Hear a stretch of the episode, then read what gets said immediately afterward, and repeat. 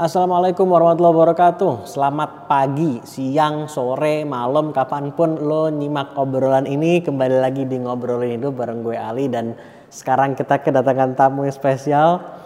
Ada Romo Antara atau lebih kenal dengan Romo Aan yang saat ini bertugas di uh, Gereja Bunda Teresa di Paroki Cikarang. Itu, Romo, terima kasih sudah datang jauh-jauh Romo dari Cikarang ke sini uh, meluangkan waktunya untuk uh, berbagi sama kita. Terima kasih banyak.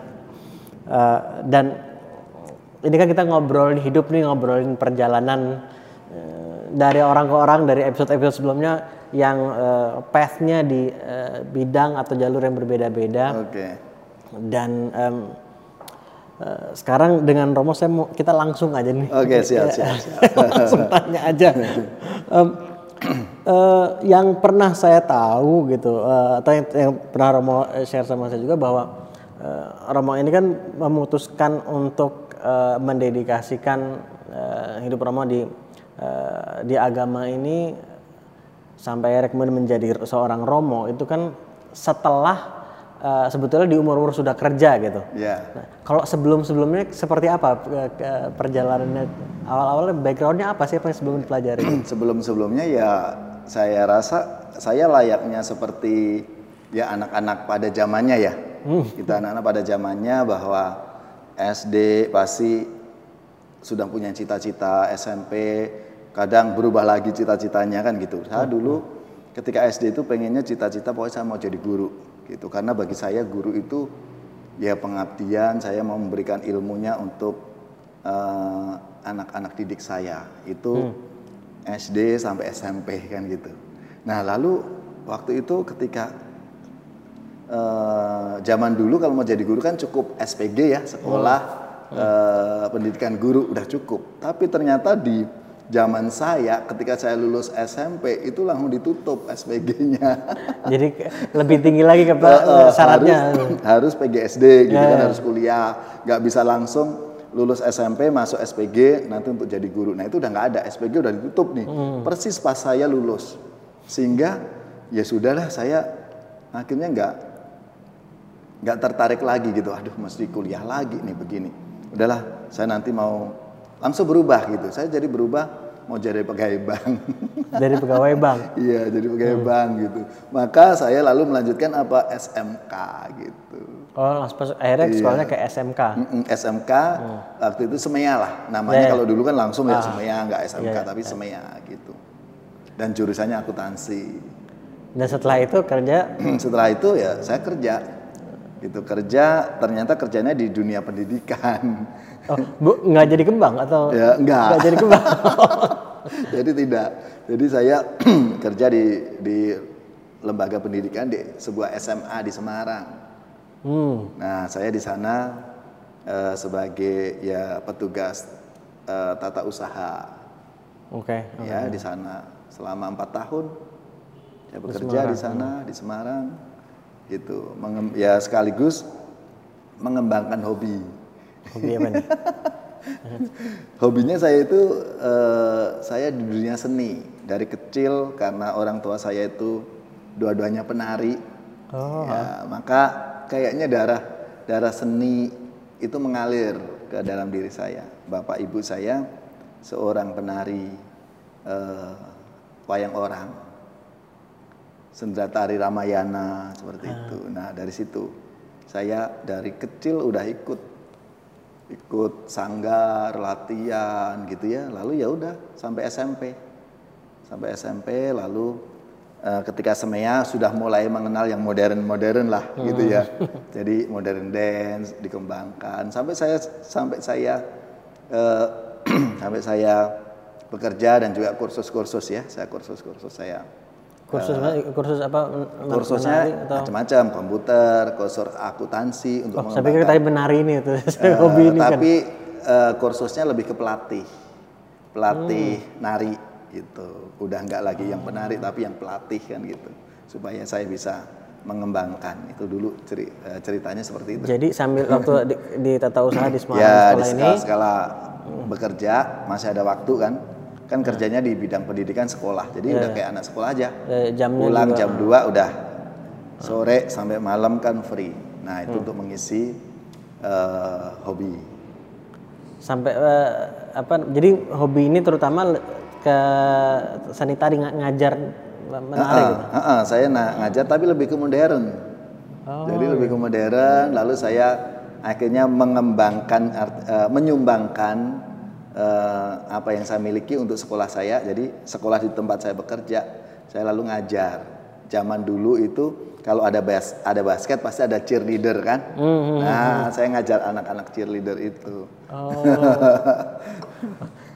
karena saya juga kalau ngelihat di eh, di sosial medianya Romo juga, Romo kan juga aktif sangat aktif olahraga juga gitu. Eh, dan itu juga apakah bagian yang bagian besar dari ya eh, itu hobi pas Romo juga atau? ya saya rasa itu pa- ba- pasti bagian bagian dari ya apa ya seni yang saya miliki kan dari Hmm. situ kan eh, kalau orang bisa nari itu udah pasti ada spot juga ya. Apalagi nanti tarinya modern itu udah Hmm. pasti gerakan-gerakan spot eh, mendukung. Senam saya juga aktif di sanggar senam dulu lalu ikut ya olahraga nge-gym kan untuk mendukung itu kan. iya, iya, jadinya seperti itu.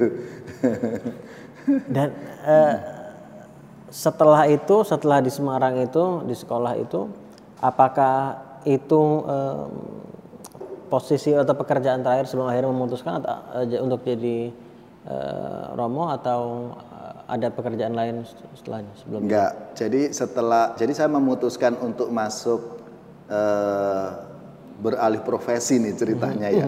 Itu justru ketika saya mulai tahun ketiga bekerja. Tahun ketiga bekerja? Ah, tahun tiga bekerja itu saya merasa bahwa saya udah bisa bekerja, saya bisa untuk mencukupi kebutuhan hidup saya sendiri gitu. Dan itu di, di, di sekolah tadi itu? Itu lalu ya saya berpikir untuk ke depan dong. Hmm. sama apa nih ke depan saya mau jalan terus sama eh, teman saya ya calon saya atau tidak gitu. Karena saya sebagai seorang Katolik itu kan ada ada pilihan-pilihan yang lain. Jadi waktu itu yang saya pikirkan saya mau berkeluarga atau tidak? Oh, so, calon tadi ini adalah oke ya kan lo kalau saya berkeluarga berarti aku harus memang mempersiapkan ya udah aku serius. Hmm. ya serius dengan eh, calon saya untuk membangun rumah tangga gitu. Nah, tapi saya memutuskan untuk tidak gitu saya tidak berkeluarga Artinya tadi tadinya kan itu adalah bagian dari pertimbangan gitu ya. Nah, eh, apa yang terjadi? Apakah ada ada momen tertentu yang membuat Romo akhirnya a- pada akhirnya membuat keputusan tersebut? Ada, saya rasa momen tertentunya adalah bahwa pertama dari sisi sisi eh, usia, saya kan harus memikirkan ke depannya nih, gitu. Kemudian yang kedua, eh, saya terbantu atau saya gini, saya mulai senang baca-baca buku yang berbau rohani. Nah dari situ bau-bau rohani itu ada yang menarik saya gitu, ada yang yang menyentuh saya. Sehingga itu yang lalu saya saya refleksikan, saya renungkan jangan-jangan apa ini ya gitu, kok ada kegelisahan dalam dalam diri saya gitu. Saya kan udah kerja, saya udah ini gitu, tapi kok ada ada sesuatu yang kurang gitu. Saya sebagai seorang seorang Katolik kok ada sesuatu yang kurang nih gitu. Nah dari situ saya mulai saya refleksikan. Kemudian ada kepala sekolah di tempat di mana saya bekerja itu kan biarawati, seorang suster.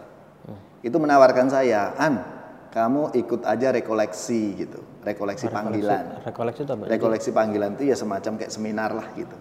Seminar tentang panggilan. Jadi tentang eh, terus saya mengatakan suster saya kan nggak mau nggak mau jadi romo, saya nggak mau jadi biara, biarawan saya bilang gitu kan. Enggak nggak harus supaya kamu tahu tentang panggilan hidup itu. Panggilan hidup kan macam-macam gitu. Nah dari situ saya tanggapilah ajakan suster itu ya sudah saya ikut. Ternyata ada banyak teman-teman yang lain, peserta yang lain pada ikut. Kela- ya minimal kelas 2 SMA lah, kelas 2 SMA kita ikut sebulan sekali setiap Sabtu Minggu gitu. Setiap Sabtu Minggu ada ada suster, ada bruder, ada frater, ada romo yang yang sharing gitu, sharing pengalaman hidupnya. Nah, Nah dari situlah, jadi kayak semakin diteguhkan gitu. Oh jangan-jangan aku panggilanku ke sini, gitu. dan itu yang eh, artinya saat sedang mengikuti itu sebulan sekali itu tadinya masih dalam mempertimbangkan tadi. Ya masih masih ya belum mantep lah. Pokoknya saya masih cari-cari lah istilahnya gitu. Mau apa gitu.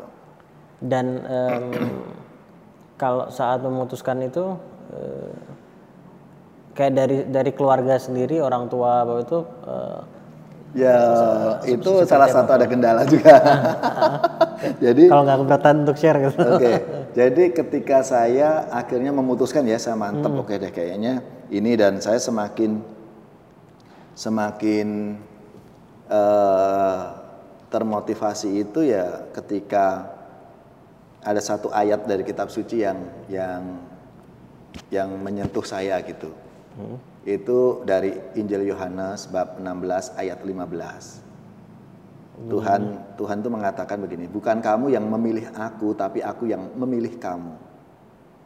Bukan kamu yang memilih aku, tapi aku, Aku yang, memilih kamu. Jadi Tuhan ngomong sama saya. Jadi di kitab suci itu Tuhan berkata, bukan kamu yang pilih aku, tapi aku yang pilih kamu. Nah itu saya renungkan gitu apa? Iya sih, saya kan ya boleh dibilang kan tadi milih-milih ya. Saya mau jadi guru, saya mau jadi pegawai bank, bahkan orang tua saya harapannya saya jadi tentara. Itu ya. Itu saya yang saya saya renungkan gitu ya. ya sih boleh ya kita itu punya keinginan ini itu dan lain sebagainya, tapi kan semuanya kan tergantung Tuhan yang ngatur gitu atas hidup saya. Nah, itu yang semakin meneguhkan saya untuk oke, saya mau masuk seminari mau menjadi calon romo. Maka saya lalu pulang ke rumah dari Semarang pulang ke rumah menyampaikan kepada orang tua pada bapak saya. Bapak saya oke terserah kamu lah kamu udah gede kamu bisa memutuskan hidup kamu sendiri. Nah ketika ke ibu ibu ini yang berat Hmm. gitu ibu, ibu keberatan saya jadi meskipun saya ini kan eh, tujuh bersaudara ya semuanya empat cowok eh, tiga cewek Dan rombongan yang cowok-cowok itu semua jadi eh, TNI kayak bapak saya Oh, oke. gitu Oh, jadi tentaranya dari, ya dari ayah makanya juga. makanya kan harapannya orang tua saya melanjutkan lah jadi tentara gitu Hmm, hmm. Nah terus ketika ke ibu, ibu keberatan gitu. Kamu tahu nggak sih kalau e, jadi romo, bilang gitu. Kalau jadi romo kan, oh, kamu udah nggak nikah, gitu kan. Terus kamu nanti susah nggak bisa nggak bisa pulang. Kalau nanti aku kangen, kalau aku nanti butuh kamu, gitu kan susah. Kalau udah masuk jadi romo itu nggak bisa nanti. Udah udah udah lepas dari orang tua gitu. Artinya udah lepas dari saudara gitu. Jadi persaudaraan gitu. Nah itu mungkin yang dibayangkan eh, ibu saya itu ya memang seperti yang zaman dulu. Zaman dulu itu kan ketika orang memutuskan untuk masuk biara entah biarawan entah biarawati suster atau bruder atau romo gitu eh, itu benar-benar apalagi yang yang tugasnya romo itu hanya berdoa. Jadi hanya eh, sebagai pertapa itu kan nggak bisa pulang. Udah. Dia memang memutuskan untuk hidup di biara seumur hidup. Pulang ya kalau cuti dapat cuti itu bisa tiga, tiga tahun sekali. Atau ketika orang tuanya meninggal sakit atau meninggal gitu. Nggak bisa seperti yang yang kakak-kakak saya berkeluarga itu kan kapan aja? Bisa pulang kan gitu bisa ngumpul-ngumpul. Kalau ini enggak gitu. Nah itu yang ditakutkan orang tua saya Hmm. ibu saya gitu. Terus ya sudah aku aku pelan-pelan memberikan ya ini kan mungkin pandangan ibu kan itu yang dulu sekarang kan udah nggak seperti itu gitu loh karena apalagi Se- seperti apa? Saya saya kan nggak tahu dulu seperti apa, sekarang ya seperti itu apa juga. dulu tuh ya kayak gitu jadi Ada yang ketika orang hidup seperti itu. membiara itu sangat ketat Hmm. aturannya sangat ketat sekali apalagi kalau masuk sebagai pertapa Hmm. sampai sekarang kalau pertapa memang sangat ketat Dan memang ada yang seperti ada itu. Oke, ada oke. perkat eh, atau yang yang pertapa kalau di Indonesia kan ada beberapa tempat ada yang di Rowo Seneng itu terapis namanya. Ada yang di Bedono am- eh, mana Salatiga itu terapistin itu perempuan. Itu memang ya tinggal di sana hanya doa. Doa bekerja kita nggak bisa mereka kita keluarganya nggak nggak seenaknya bisa kunjungan nggak bisa nggak begitu. Di antara mereka sendiri aja nggak bisa ngomong-ngomong begitu aja. Jadi harus hening suasananya karena mereka tuh benar-benar bertapa gitu Hmm. hidupnya ya dari dari apa yang mereka usahakan misalnya di Temanggung itu ya eh, para terapis rahib itu mereka punya peternakan peternakan eh, apa sapi. Nah kalau Bang Ali pernah makan kastengel yang buatan dari Temanggung itu buatan para rahib. Para terapis yang pertapa itu. Gitu. Jadi eh, atau mungkin kalau ada yang eh, bikin selipan-selipan buku eh, foto-foto dari bunga alam lalu ada kutipan-kutipan kata-kata gitu itu para terapistin para rahib atau pertapa perempuan yang ada di Bedono itu mereka bikin-bikin yang seperti itu gitu. Nah itu kan gambaran seperti itu kan mungkin bagi orang tua aduh anakku nanti nggak bisa pulang ini aku susah kalau kangen begini dan itu itu menjadi ketakutan kan gitu. Ya. Nah, tapi saya memberikan pe- penjelasan bahwa sekarang nggak seperti itu, masih bisa, artinya masih bisa kita eh, menyampaikan kepada pimpinannya, misalnya memang kalau keluarga mau hadir, mau kunjungan ya nggak apa-apa. Apalagi saya sebagai Romo gitu ya, saya Romo eh, yang tidak sangat ketat seperti itu. Karena saya tugasnya bersama dengan eh, masyarakat gitu di tengah-tengah masyarakat. Kalau pertapa kan tidak. Ya, ya. Gitu. Mereka memang nggak bergaul dengan masyarakat karena memang tugasnya untuk berdoa berdoa terus gitu. Kalau saya kan tidak saya kan bergaul dengan masyarakat dan sebagainya coba gitu. Terus saya mengatakan eh, ke ibu saya kalau seandainya saya nggak jadi romo nih saya punya keluarga ya coba gitu. Kalau misalnya nih mama minta saya pulang belum tentu saya bisa langsung pulang loh. Kan saya punya keluarga saya harus mikirin keluarga saya dulu mikirin ya kalau bisa cuti ntar anaknya lagi sekolah masa aku tinggal? Aku mesti mesti ngobrolin omongin sama istri kan sama keluargaku kan? Nih orang tuaku eh, minta kita pulang nih. Kan belum tentu langsung bisa. Gitu. Nah mak kalau saya jadi romo saya bisa langsung. Udah kan saya nggak punya tanggungan keluarga. Selalu gitu kan. Saya nggak punya tanggungan keluarga ya udah saya bisa kalau memang mama sakit atau ini ya saya langsung bisa pulang. Gitu. Nah itu mungkin jadi terus mikir gitu. Ibu saya mikir terus suatu eh, minggu berikutnya ketika saya pulang lagi ya sudahan kalau memang niatmu kamu itu serius ya udah nggak apa-apa. Aku aku restui tapi yang serius dijalani benar gitu. Seperti itu waktu itu. Em, saat memulai itu atau ketika awal atau bahkan sebelum memulai setelah memutuskan pun gitu ya ada rasa takut nggak ada ada ada kekhawatiran kekhawatiran Ya, justru itu. nggak? Jadi- Kita- orang tua tadi itu ya Eh, bukan Atau bukan? ketakutannya justru ketika saya ada- ibu saya merestui ya Hmm. ibu saya merestui itu justru saya mau- ma- malah makin malah jadi ragu-ragu tuh bener nggak nih be- bener nggak gitu. nih Heeh, gitu ya jadi awalnya ketika ketika pada nggak setuju gitu ya maksudnya ketika ketika nggak dapat dukungan itu kan aku getol nih. Wah, aku ini meyakinkan. Bahkan saya minta kakak saya loh kakak saya yang di Kalimantan yang dia TNI saya minta supaya meyakinkan ibu saya. Aku telepon mas tolong mas. Aku aku kan mau memutuskan aku mau masuk seminari nih mau jadi romo. Cuma mama kan kayaknya belum belum ngizinin gitu belum merestui. Tolong dong mas dibilangin diomongin saya bilang gitu kan. Terus apa jawaban kakak saya? An kamu tahu nggak orang tua itu siapa? Orang tua itu wakil Tuhan di dunia. Kalau wakil Tuhan di dunia itu aja nggak mengizinkan berarti Tuhan yang memang apa orang tua nggak merestui berarti Tuhan nggak mengizinkan gitu jawaban kakak saya. Ya aku mau minta dukungan malah malah kakak saya kayak gitu jawabannya kan gitu. Terus kakak saya yang satunya kakak saya muslim kakak saya yang pertama. Itu seorang muslim ya dia pasti menghayati ya dengan cara muslim ya gitu. dia mengatakan an kamu tahu nggak sih kalau orang nggak menikah itu kan melanggar kodrat Tuhan, gitu. Terus ya kan eh, saya hanya ini aja sih mau menanggapi apa yang aku ini sih mas saya bilang gitu.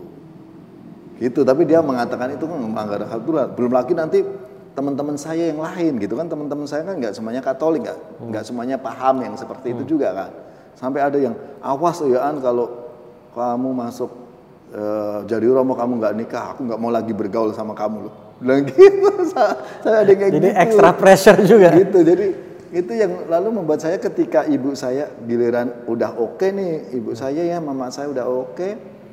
Ketika saya balik lagi ke kos ke Semarang mulailah saya bener nggak ya? Ibu udah oke nih. Terus ada mulai keberatan-keberatan dalam diriku. Waduh aku mesti ninggalin pekerjaanku nih.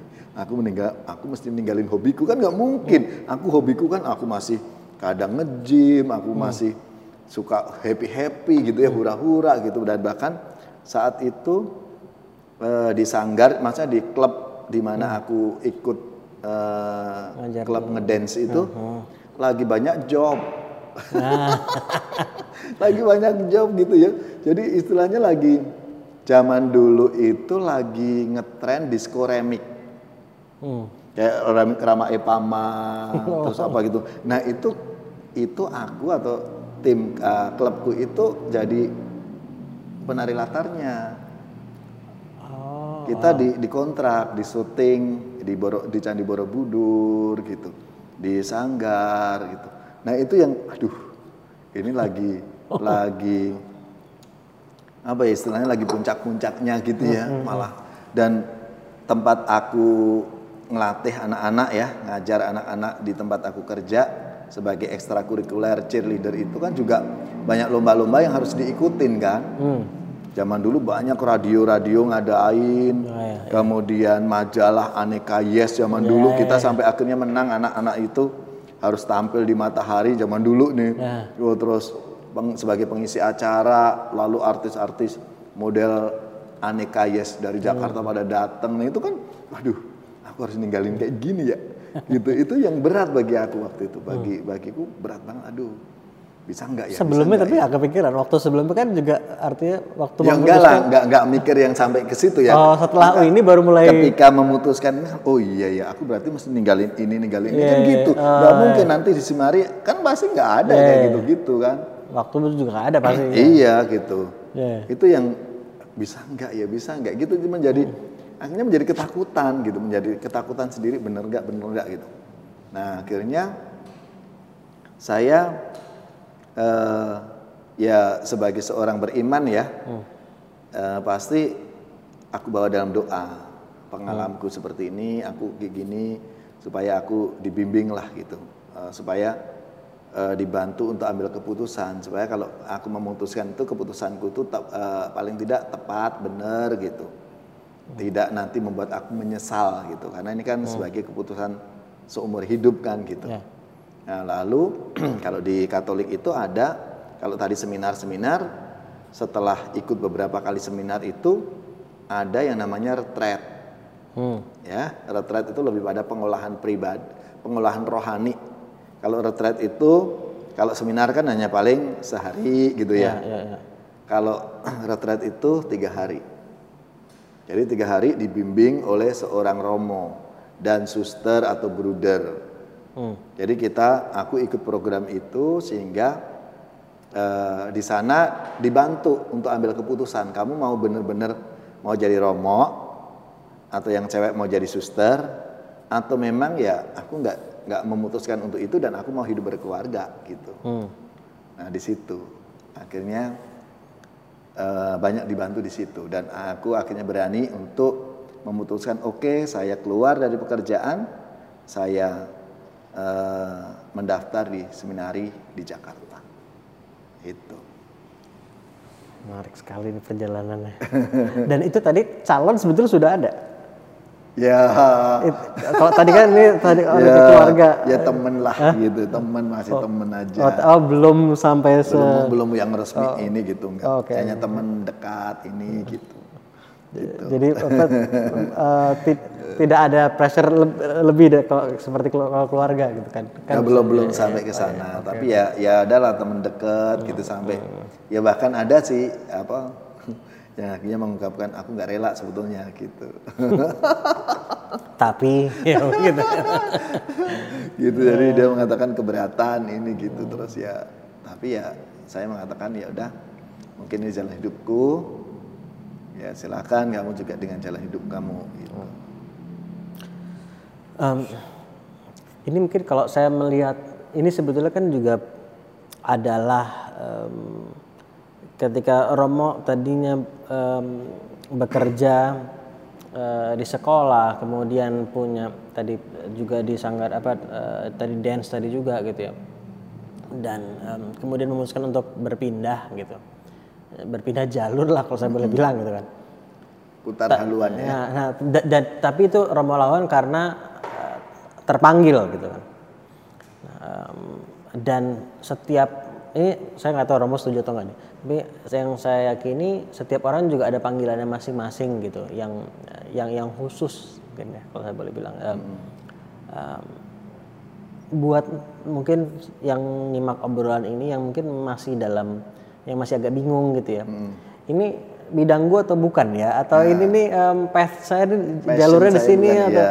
eh, ada nggak saran dari eh, Romo juga mungkin terlepas apakah terkait dengan keagamaan atau enggak mungkin tapi ini intinya adalah jalur hidupnya gitu kan atau berkaryanya di mana gitu mendedikasikannya gitu. Saya rasa apa yang tadi saya sharingkan ya itu eh, menjadi inspirasi juga untuk teman-teman kita, saudara-saudari kita, apa pun profesinya, Hmm. apa pun panggilan hidupnya. Hmm. Ini kan tadi salah satu panggilan hidup. Contoh yang saya sharingkan adalah eh, putar haluan saya Ah. dari yang mau peng mau jadi guru lalu pegawai bank gitu ya. Lalu akhirnya ternyata eh, Tuhan berkehendak lain. Hmm. Eh, saya menjawab panggilan Tuhan untuk menjadi romo menjadi pastor kan gitu saya rasa eh, yang penting yang penting dalam hal ini supaya paling tidak yang saat ini mungkin bingung dan lain sebagainya ya. Itu itu tadi seperti yang pernah saya lakukan gitu. Kita harus punya target. Dalam hidup itu ada ada target. Katakanlah misalnya kalau keputusannya aku mau berkeluarga atau tidak ya? Hmm. ya dua keputusan ini harus diambil misalnya. Targetnya lima tahun. Nah ini yang dulu saya saya saya targetkan gini usia saya 25 tahun saya bekerja selama lima tahun nah saya harus memutuskan Ah. saya mau berkeluarga atau masuk menjadi romo itu target saya dulu gitu tapi ternyata nggak nyampe lima tahun bekerja nggak nyampe usia saya 24 25 tahun ternyata aku sudah memutuskan Hmm. Di usia 23 saya memutuskan baru kerja 4 tahun. Gitu. Nah itu kan artinya apa? Saya merasa bahwa oke kita boleh berencana kita boleh eh, punya harapan cita-cita tapi ternyata Tuhan itu eh, mengarahkan kita gitu. Pasti Tuhan mengarahkan kita nih kamu di situ. Gitu. Jadi yang penting apa? Kita benar-benar jalani dengan baik lalu kita punya target gitu. Ada target ada pilihan itu. Kalau misalnya saya memutuskan saya untuk berkeluarga ya sudah fokuslah berkeluarga. Udah punya calon belum? Hmm. kalau udah punya calon ya udah serius dengan calonmu itu. Kalau belum punya cari kan gitu. Eh. ya kan? Tapi kalau misalnya saya nggak mau berkeluarga oke. Nggak mau berkeluarga ada banyak loh. Kalau orang Katolik bisa jadi romo jadi suster biarawati jadi bruder biarawan gitu kan? Ada tiga. Atau menjadi seorang awam yang tidak menikah. Juga bisa nggak apa-apa. Kan gitu. Jadi pilihannya kalau nggak menikah kan ada empat nih kalau sebagai seorang Katolik kan gitu. Kalau mungkin agama yang lain ya silahkan. Misalnya aku nggak mau berkeluarga, oke mau mau berarti aku nggak menikah, nggak menikah nanti aku mau profesi apa? Tinggal sekarang pekerjaannya.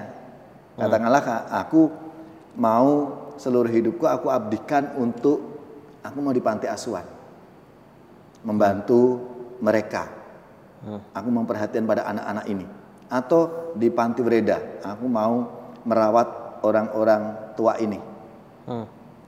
Jadi ada banyak pilihan-pilihan, tapi yang penting bahwa kita memang harus benar-benar kita rencanakan dengan baik, kita targetkan sehingga ketika nanti kita memutuskan itu, ya keputusannya itu nanti nggak menyesal, kita nggak dalam keraguan-raguan, tapi benar-benar ini keputusan dari diriku. Maka tadi kan saya banyak dibantu kan lewat romo yang lain, lewat keluarga saya dengan dengan bertanya dengan itu kan udah dengan sendirinya kan itu itu masukan-masukan untuk saya kan sehingga akhirnya saya berani untuk memutuskan oke saya lepas itu semua saya meninggalkan pekerjaan hobi-hobi saya dan lain sebagainya. Dah saya fokus masuk seminari menjadi calon romo kan gitu. Dan eh, jadi buat yang lain, kalau dari yang saya tangkap ini, gitu ya, dari apa yang tadi baru saja Ro- Romo eh, share juga, eh, kenapa perlu kita cari tahu juga kenapa sih kita mau fokus di A atau mau fokus di B, kenapa itu menjadi sangat penting kalau gitu ya, punya alasan yang kuat gitu. Ka- Kalau misalnya tadi oke saya mau di panti eh, di panti Reda misalnya gitu. em, kenapa gitu kamu mau di sana gitu Eh, kalau saya eh, saya mau tahu Romo eh, melihat hal yang sama apa enggak karena saya dari eh, pengalaman saya juga masih banyak orang yang masih nggak tahu mereka mau ngapain gitu gitu Ya. Romo melihat melihat hal se- seperti itu juga secara umum lah gitu ya Nah, oke, memang benar kita harus punya yang artinya apa? Pertama motivasi. Hmm. Motivasinya apa? Kan gitu. Ketika saya mau daftar seminari pun nanti pasangan ditanya motivasimu apa sih? Hmm. Kok kamu ke mau masuk seminari? Kok kamu ke mau jadi calon romo di Jakarta? Kan gitu. Hmm. Ya saya sebagai seorang Katolik waktu itu orang muda Katolik ingin menjawab panggilan Tuhan menanggapi kebutuhan gereja. Gereja di Keuskupan Agung Jakarta saat itu jumlah romo-romonya sedikit, maka saya sebagai seorang Katolik eh, saya merasakan saya bertanggung jawab untuk itu. Supaya apa? Pelayanan gereja di Keuskupan Agung Jakarta ini tidak tergantung dari keuskupan lain. Karena dulu kebanyakan romo-romo dari Semarang gitu loh. Yang dari Jakarta sendiri sedikit. Kebanyakan dan bahkan sebelum-sebelumnya kan import. Romo-romonya kan bule semua. Zaman dulu misionaris. Ya ya. Ya kan? Jadi kita harus harus bertanggung jawab terhadap gereja lokal kita keuskupan agung Jakarta atau keuskupan agung Semarang atau keuskupan Bandung itu kan lokal-lokal gereja sebagai anak. Saya lahir katakanlah misalnya lahir di Jakarta lahir di Jogja kan punya tanggung jawab itu. Hmm, gitu. Bahkan saya mengatakan kepada keluarga-keluarga eh, orang tua jangan jangan hanya mendoakan orang lain supaya banyak panggilan menjadi romo tapi berdoa untuk anakmu supaya anakmu menjawab panggilan menjadi romo gitu. Jangan kadang kan orang kan eh, apa saya mendoakan panggilan supaya banyak anak-anak muda terpanggil untuk jadi romo. Yang asal bukan anak saya. Nah nggak bisa kayak gitu. Nggak bisa. Jadi ya baiknya dari keluarga itu sendiri. "Ah, aku akan seneng aku akan bahagia kalau anakku aku dukung mau jadi romo tapi kan kadang kebanyakan seperti yang pengalaman ibu saya tadi kan saya katakan kan ibu saya aja nggak nggak mendukung gitu loh. Padahal jadi romo baik kan gitu loh. Tapi nggak semua yang baik itu dapat dukungan loh.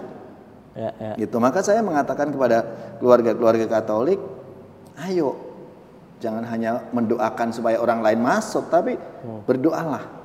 Ada satu kerelaan dalam keluarga bapak ibu untuk mempersembahkan anaknya ada yang menanggapi menjadi romo menjadi bruder menjadi suster itu ya kan ya ya ya, ya paham saya dan kalau tadi eh, lalu memang kembali pertanyaan itu kepada kita masing-masing sebagai orang muda. Sebagai katakanlah ka- eh, sebagai orang Katolik lah. Hmm. Orang muda Katolik kamu punya tanggung jawab loh terhadap gereja keuskupan masing-masing. Di mana kamu tinggal itu tanggung jawab kamu untuk masa depan gereja. Siapa yang nanti akan melanjutkan? Saya akan semakin tua nanti pensiun sebagai seorang romo, udah nggak bisa lagi secara fisik. Siapa yang akan melanjutkan? Berpikir nggak orang muda untuk oh ya aku nanti itu. Jangan kadang berpikirnya apa aku mau jadi dokter, aku mau jadi ini, jadi ini gitu. Berpikir nggak sebagai seorang Katolik berpikir apa? Aku mau jadi romo. Atau mungkin yang agama lain berpikir nggak sih untuk supaya kalau kita bicara saat ini ya, supaya eh, generasi muda lebih-lebih milenial ini itu sungguh-sungguh bisa bisa eh, hidup bersama dengan baik hmm. tanpa melihat uh, embel-embel apa pun ya, ya, ya, latar belakang entah agama, budaya dan sebagainya. Tapi yuk sama-sama berpikir nggak ke sana. Hmm. Supaya ber, supaya seperti itu, saya sebagai seorang muslim aku harus mempersiapkan hmm. anak-anak muda ini supaya nanti mengarahnya ke sana kita harus hidup ini, kita mencintai negara kita, tanah air kita untuk itu. Ayo dengan uh, apa yang bisa kita sumbangkan dari seorang muslim hmm. untuk bangsa kita dari seorang Hindu, seorang Kristen, seorang Katolik, seorang Buddha. Ayo sama-sama Konghucu memikirkan ini. Terpikir enggak? Itu panggilan.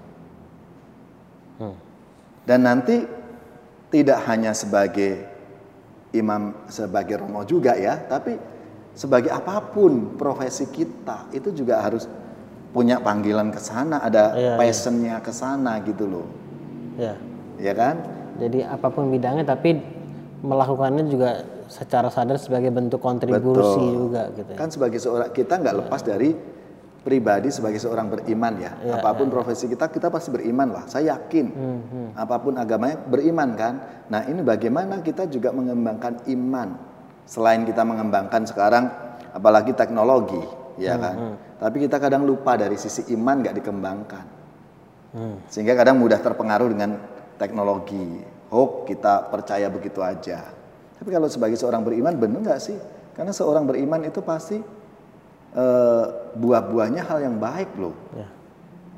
Gitu. Ya. Tapi kok yang terjadi kadang kok permusuhan, ada kebencian, ada apa nih?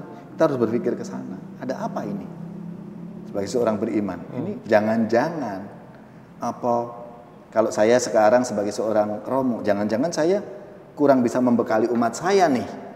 Hmm dengan khotbah-khotbah saya hmm. gitu atau dengan uh, terhadap keluarga-keluarga yang uh, apa umat saya gitu kok sampai kayak gini ya orang Katolik jadi kayak gini ya misalnya kan gitu hmm. hmm, hmm. itu ya harus berpikir ke sana juga gitu jadi refleksi kepada diri sendiri juga gitu ya? betul gitu karena hmm. ini menyangkut panggilan hidup ya panggilan ya, ya. hidup itu kan akhirnya luas meskipun luas. ada yang spesifik khusus tapi ya, panggilannya bisa spesifik tapi menjalaninya bisa menjalaninya kan karena apa sebagai uh, ini loh wujud dari kita beriman kan gitu hmm. kan nggak cukup kita beriman tuh hanya berdoa wujud ya, dari ya, doa apa ya, ya. ya aku kan uh, relasi dengan yang lain baik aku solider bela rasa peduli sama orang lain gitu percuma kalau kita aku setiap minggu ke gereja loh Romo tapi ada orang yang membutuhkan nggak pernah bantu Hmm. Itu berarti nggak bisa mewujudkan imannya. Hanya berdoa aja. Padahal relasi kita dengan Tuhan itu harus terwujud terhadap sesama. Hmm. Gitu. Wah ini kalau dari perjalanan Romo, mm um, tadi kan ketika mulai masuk seminari perjalanan sampai uh, menjadi seorang Romo dan banyak naik turunnya saya saya nggak tahu nih saya kan awam sekali gitu saya juga sebagai seorang muslim gitu kan saya kan nggak tahu dalamnya seperti apa perjalanannya apa yang dipelajari dan naik turunnya seperti apa cuma dari perjalanan Romo setelah mulai masuk dan mulai belajar itu ada nggak momen-momen di mana terus di tengah jalan masih ada keraguan muncul keraguan lagi atau mungkin momen saat uh, down juga mungkin gitu uh, ada nggak momen-momen seperti itu gitu pasti ada ya hmm. karena itu sebagai dinamika dalam hidup kita sebagai pribadi, pribadi manusia ya. Hmm. Kita saya rasa nggak nggak hanya uh, Roma pun pasti akan mengalami itu yang namanya uh, apa? Kalau kami biasanya bahasanya kan eh, desolasi. Desolasi itu kekeringan, kekeringan sehingga itu kan menimbulkan ketidaksemangat, nggak semangat, lalu males bisa jadi kan seperti itu. Nah itu kan kita makanya ada pembinaan-pembinaan. Adanya yang tadi rekoleksi, ongoing formation bagi para romo, ada ada ada ada pembinaannya dari usia jadi romo 0 tahun sampai lima tahun. Itu ada pembekalan apa? 6 tahun sampai 10 tahun ada pembekalan apa? Kemudian 11 sampai 16 tahun. Lalu 17 sampai 25 tahun misalnya. Jadi itu eh, kami ada pembekalan-pembekalan itu. Lalu ada kebersamaan namanya ongoing formation ya. Jadi On go information. ongoing formation. Oh, Jadi oke. ya semacam ini loh eh, diisi lagi lah gitu istilahnya dicas Oh, ongoing. Oh, oke oke oke. gitu. Jadi di dikasih misalnya contoh ongoing formation yang yang pernah saya dapatkan nih. Kita belajar karena sebagai seorang romo kita diberi kursus manajemen supaya bisa mengelola paroki di mana kita ditugaskan dengan baik. Itu. Lalu eh, tentang keuangan diajarin tentang supaya tahu mengelola keuangan. Jadi tidak hanya sekedar kita itu oh ada ini Romo proposal ini tanda tangan tanda tangan gak hanya sekedar tanda tangan aja gitu tapi ngerti ini apa sih gitu. Dan Romo ngambil magister ke- keuangan juga kan? Iya, gitu. Kemudian eh, pernah juga berkaitan dengan eh, apa itu eh, psikologi. Hmm. Gitu. Karena apa? Selain berguna untuk diri kita, tapi juga berguna ketika kita mendampingi umat, kan gitu. Jadi pembekalan-pembekalan itu yang kita kita dapatkan, sehingga nggak bosen, kemudian juga nggak mengalami kekeringan tadi, Ya, ya. Gitu. Jadi ada yang baru juga gitu. Hmm, terus juga kita ada rekreasi bersama, ya dua tahun sekali kita pergi bersama jalan-jalan, romo-romo. Dua tahun sekali itu lama loh. Kata itu, itu yang- standar saya bukan, mungkin ya. Itu yang eh, yang bersama, Iya, iya, yang bersama se- keseluruhan. Oh, Tapi karena kan gini, tahun ini kita retret bersama, Hmm. tahun depan rekreasi bersama. Tapi di dalam eh, bukan berarti besok tahun depannya nggak nggak retret, Oh, tidak, tetap retret, tapi tidak di tidak di eh, tidak difasilitasi Oh, oleh dikelola eh, sama- jadi oke. silahkan diatur sendiri-sendiri Ya, ya, ya. bisa sama angkatannya letengnya gitu ya. Bisa sama teman-temannya sendiri lah gitu Hmm. gitu.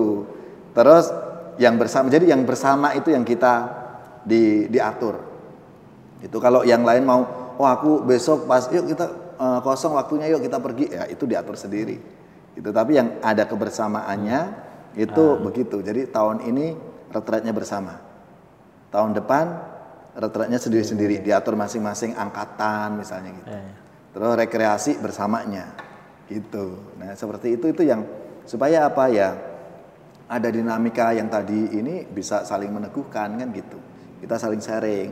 Terus ada pertemuan-pertemuan dua bulanan itu pastoral semua romo-romo yang yang berkarya di Keuskupan Agung Jakarta itu kita kumpul bareng. Hmm. sharing ada pem- ada pembekalan dari dari Bapak Uskop lah gitu ya. Ada ini ini informasi yang harus disampaikan ke semua romo-romo itu terus ada temu pastoral itu tepas. Itu setiap tahun pasti ada. Selama empat hari kita ngumpul bareng merumuskan arah dasar Kuspan Agung Jakarta gitu sehingga gerak pastoralnya gerak pelayanannya itu sama misalnya arah dasar lima tahun yang lalu ya sampai tahun ini itu kita amalkan Pancasila. Jadi eh, sila pertama kita dalamin, tahun berikutnya sila kedua, tahun berikutnya eh, tahun ketiga sila ketiga, tahun keempat empat gitu. Jadi Itu sa- per tahun Ah, satu. Betul. Jadi itu nanti gerakan kegiatannya itu mengarah ke sana. Gitu. Supaya apa ya? Kita mau eh, ingat kita diingatkan. Gereja harus eh, bagian da- bagian dari masyarakat, bagian dari negara. Kita harus mengingatkan di antara para romo ini juga oh kita harus mengamalkan Pancasila nih. Supaya ingat kita tidak hanya di sekolah tapi dalam praktek kehidupan sehari-hari dalam pelayanan kepada umat umat juga harus diingatkan ini gitu. kita harus mengamalkan ini ini menjadi dasar Pancasila kita supaya tidak nanti apa diutak-atik gitu loh Ya, ya, ya.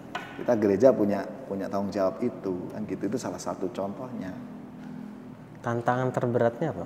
Romo sel- selama uh, perjalanan. tantangan sebagai seorang Romo ya tantangannya itu ya ketika ada satu pergulatan antara kepentingan diri pribadi dengan oh ini pelayanan gitu Kayak misalnya apa? Kalau kalau misalnya kalau misalnya nggak terlalu personal kalau misalnya boleh. ya misalnya antara kebutuhan oh aku tapi sebagai contoh aja lah misalnya langsung praktek di di gereja di paroki gitu ya ada per eh, apa pelayanan tugas pelayanan yang harus di ini tapi aduh aku lagi lagi jalan-jalan ya aku lagi lagi udah aku planning untuk jalan-jalan rekreasi misalnya. Nah ini kan kadang pergulatan-pergulatan itu ya antara kebutuhan pribadi kita tapi ini ada pelayanan yang harus harus kita lakukan harus kita jalankan kan gitu.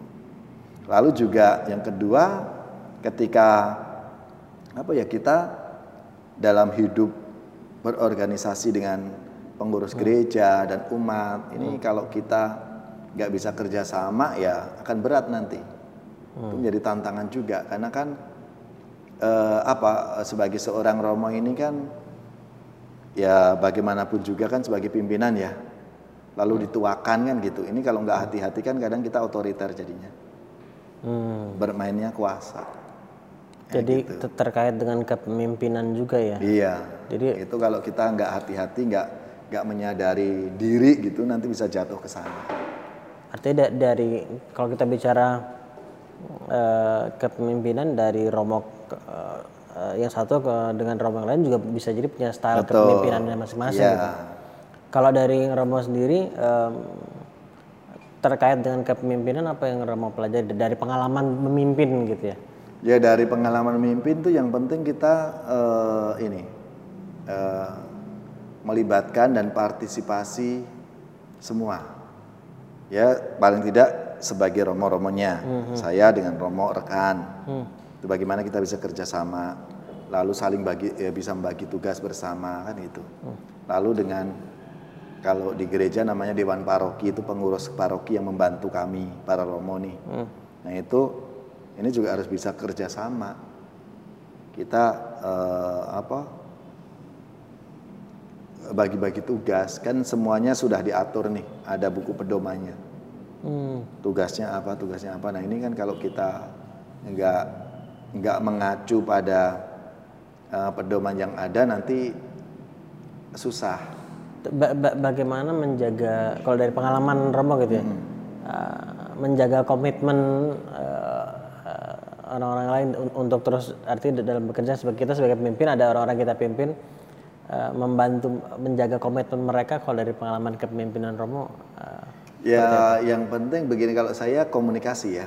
Komunikasinya terus dijalin dengan baik, lalu saling support, ya, saling support satu sama lain, saling mengingatkan juga. Kadang kan lupa, ya ini ada tugas ini gitu. Jadi eh, katakanlah sekarang kan udah gampang dengan grup-grup itu ya. Kita dengan grup ini sehingga tak- di grup kita bisa bicara di situ begini kita ini gitu.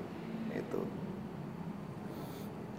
jadi ini ada ada peran uh, keagamaan gitu ya yang- dan ada peran uh, berorganisasinya juga Oh, iya, kan betul. gitu, kalau Romo kan seperti itu gitu ya Ya, Artinya, betul.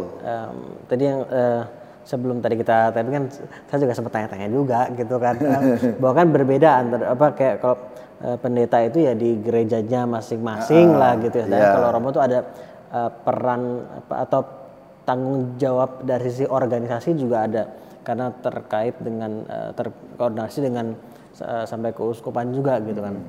Jadi eh, makanya tadi yang tadi Romo share juga ada sampai ya bela- tadi belajar keuangannya juga seperti apa mengelola karena ada perannya berorganisasi cukup cukup Betul, besar gitu. ya. betul.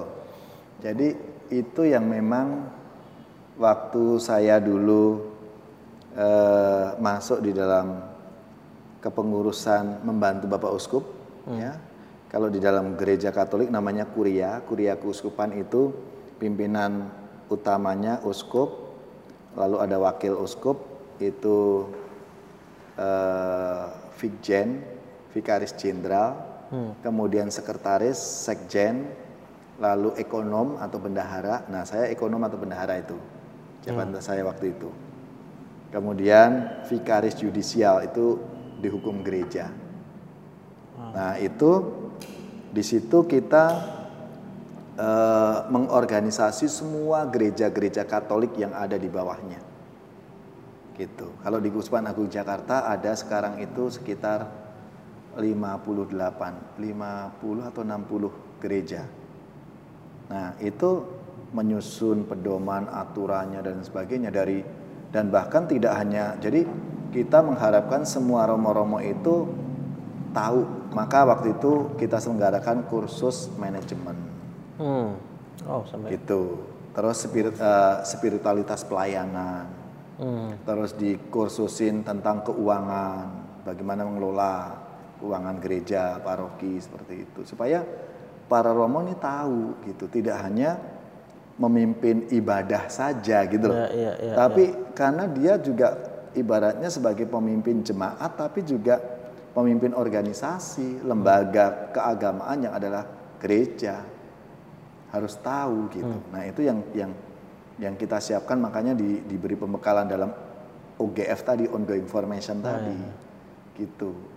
Maka disiapkan. Waktu itu saya juga mau masuk sebagai bendahara ya karena itu sesuai dengan latar belakang. Saya sebagai seorang eh, lulusan akuntansi ya. Lalu eh, diminta untuk mendalami lagi. Makanya saya kuliah eh, magister finance gitu untuk supaya ya tahu tidak tergantung awam gitu Iya. nggak nggak semata-mata tergantung awam tapi kita juga tahu sebagai seorang imam sebagai seorang romo bahwa awam juga membantu kita gitu tapi kan kita juga harus tahu Ya, ya.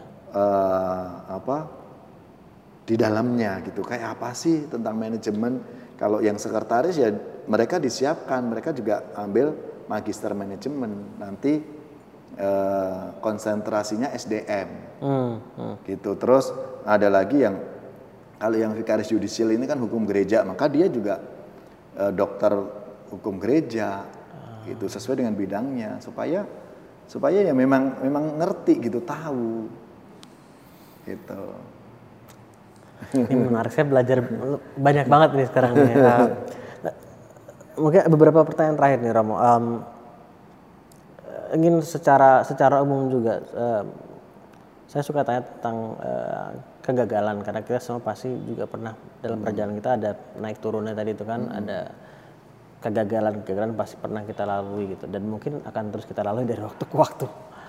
Uh, tapi kalau melihat mungkin secara filosofis dulu gitu mungkin em, Romo melihat kegagalan tuh seperti apa? Kalau gagal bagi saya itu kan sebagai kesempatan ya, kesempatan kita untuk melihat kembali apa yang kita lakukan. Dan dari situ kita menyadari oh berarti aku ada yang kurang di sini, maka aku harus memperbaiki dan aku harus bangkit lagi dari situ. Itu yang yang saya lihat dari dari pengalaman gagal ya, karena gagal itu ya kalau dalam peribahasa atau istilah-istilah kan sering kali kan orang mengatakan gagal itu kan sukses yang tertunda gitu kan. Tapi ya itu ada benernya gitu. Artinya bahwa yang penting apa? Aku menyadari bahwa oh aku ini gagal. Yang penting jangan menyerah. Bahwa di situ menjadi kesempatan bagi saya untuk lihat kembali. Oh ya, berarti ini ada yang yang kurang dari yang aku lakukan. Oh berarti ada yang mungkin salah dari yang aku lakukan sehingga aku mengalami kegagalan. Nah dari situ aku bisa belajar dari situ. Maka sangat penting sekali ketika eh, saya waktu itu di artinya ditugaskan sebagai ekonom. Padahal saya waktu itu masih sangat sangat junior sebagai seorang romo, baru empat tahun jadi romo. Itu sudah masuk di istilahnya kalau di gereja itu kan wiring satu gitu ya. Karena membantu Bapak Uskup di bidang keuangan. Nah itu kan pertanyaan saya waktu itu, kok saya ya? Kan ada romo-romo senior yang lain, Hmm. yang lebih senior, romo yang mungkin yang lebih mampu gitu kan, yang lebih mampu dari saya. Saya baru empat tahun, belum punya banyak pengalaman kan gitu. Tapi dari situ yang selalu saya pegang adalah kata-kata Bapak Uskup itu mengatakan bahwa nggak usah takut gagal. Kalau salah ya nanti kita evaluasi gitu. Kita eh, apa? Jadi jangan jangan pernah takut eh, untuk melakukan gitu. Kalau nanti keliru atau apa ya nggak apa-apa kita evaluasi. Dari situ kan kita jadi tahu kan gitu. Hmm. Itu itu yang yang menjadi pegangan saya. Itu makanya udahlah saya ya saya diberi tanggung jawab ini, saya dipercaya, maka saya akan melaksanakan tugas ini dengan baik. Gitu.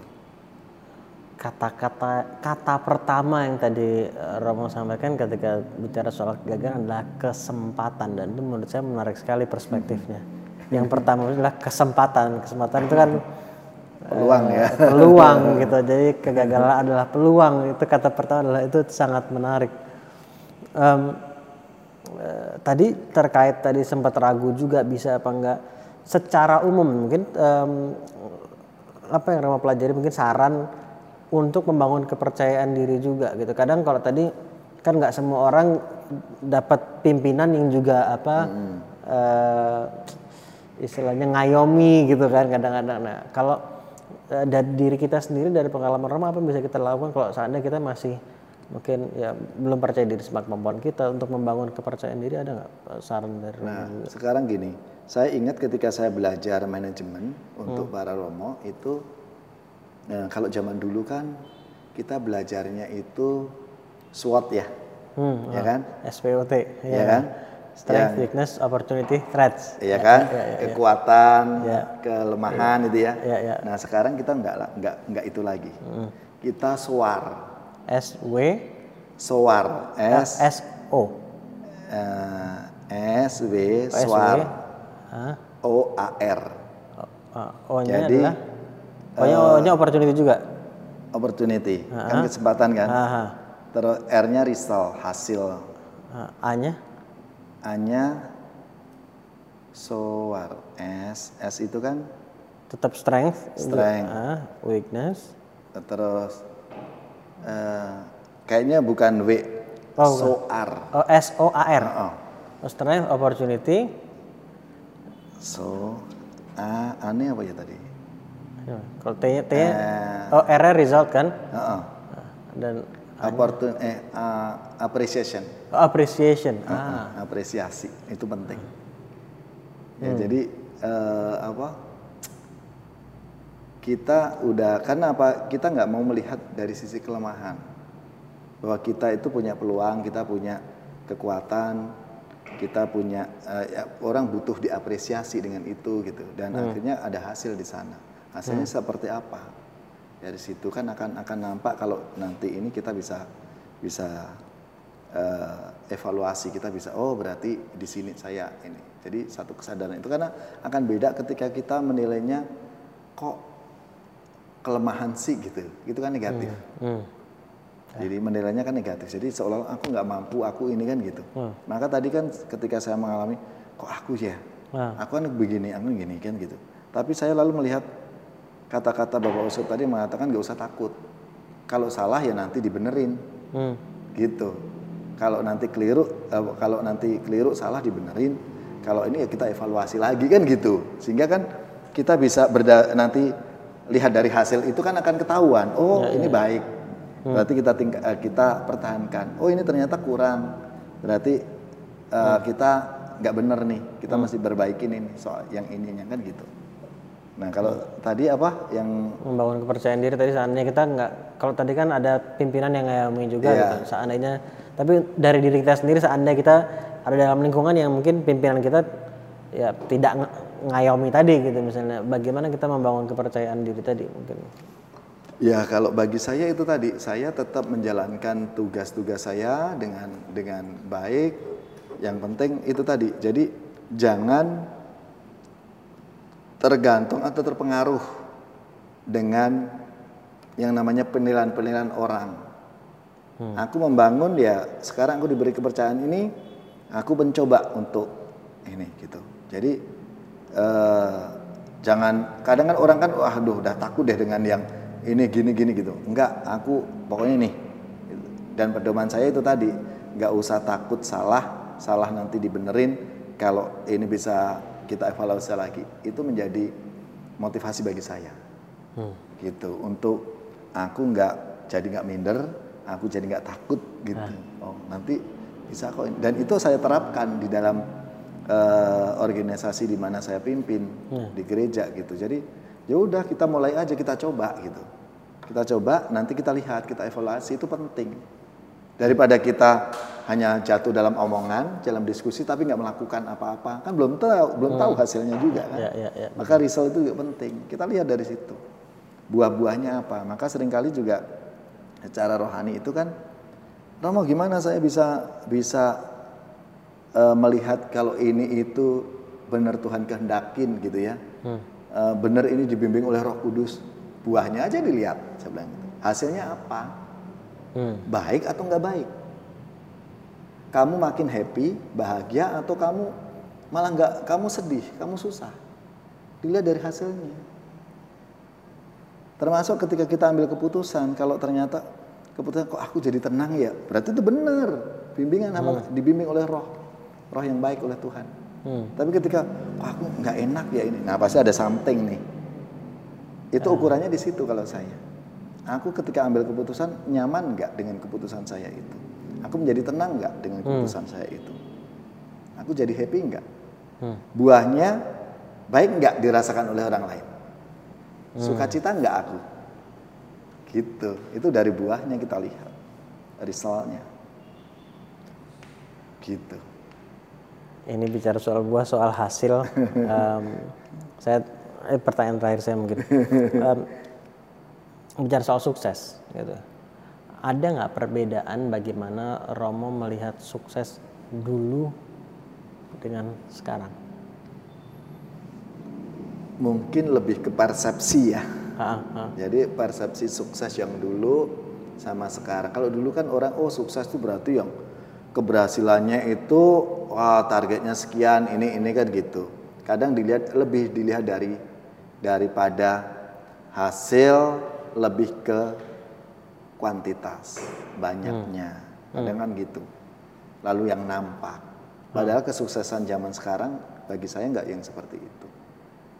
Sekarang misalnya sukses bagi saya ketika saya bisa menginspirasi banyak orang itu suatu kesuksesan. Saya nggak saya nggak nggak hanya menikmati untuk diri saya sendiri. Kalau zaman dulu kan lebih kadang kenikmatan dari eh, dinikmati oleh diri sendiri. Wah aku sukses loh punya banyak mobil, punya ini ini semuanya udah nggak eh, semua kecukupan gitu. Sukses zaman sekarang nggak seperti itu. Karena belum tentu orang yang sukses yang tadi dalam tanda kutip yang material tadi, tapi secara batinnya menderita loh, sengsara loh. Belum tentu dia dari sisi imannya gimana, dari sisi psikologisnya dalam keluarga, jangan-jangan relasi dalam keluarga juga nggak nggak baik. Karena apa? Dia lebih mementingkan kesuksesan tadi, yang lebih material yang tadi. untuk diri sendiri iya, tadi itu. gitu. Hmm. Jadi ukuran kesuksesan dari berbagai sisi menurut saya. Ukurannya dari berbagai sisi, tidak tidak hanya hasil hasil yang kuantitas, tapi ya kualitasnya. Kemudian dinikmati banyak orang, tidak hanya aku diriku saja. Gitu. Lalu semakin banyak orang terinspirasi dengan apa yang aku lakukan. Hmm. Itu. Dan bicara soal eh, bermanfaat dan dinikmati oleh banyak orang, eh, insya Allah apa yang Romo share di sini juga dinikmati oleh semua yang menyimak. Semoga. Termasuk di saya, termasuk saya sendiri, saya juga belajar banyak eh, dari apa yang Romo share. Saya terima kasih luar biasa banyak Romo sudah meluangkan waktunya, energinya datang dari Cikarang ke sini. Ini kita rekaman di Bintaro, jadi ini nggak deket jaraknya. Jadi terima kasih banyak Romo atas waktunya atas pembelajaran juga saya belajar banyak uh, menurut saya ap ap apa pun agama kita kita bisa belajar satu sama lain tentunya gitu kan. Nah ini salah satu sukses kita juga ya. Artinya sukses bagi Bang Ali. Oh ini aku mendapatkan ilmu lagi, aku mendapat pengalaman lagi. Bagi saya juga oh ya saya dengan pertanyaan-pertanyaan tadi oh ya ternyata Bang Ali paling tidak ada Bang Ali. Oh pengen tahu juga ya yang ini ternyata eh, apa yang saya sharingkan tuh berguna juga. Dan apa yang kita bicarakan ini kan dilihat banyak orang nantinya kan. Semoga ya banyak orang terinspirasi Ya. dan mengalami kesuksesan juga gitu. Amin, amin benar. Ya. So terima kasih banyak. Mudah-mudahan Sama-sama. sehat-sehat selalu dan insya Allah semakin sukses juga ke depannya. Dan buat teman-teman semua yang nyimak sekali lagi terima kasih juga. Jaga kesehatan juga. Kita ketemu insya Allah di episode selanjutnya. Assalamualaikum. Dadah.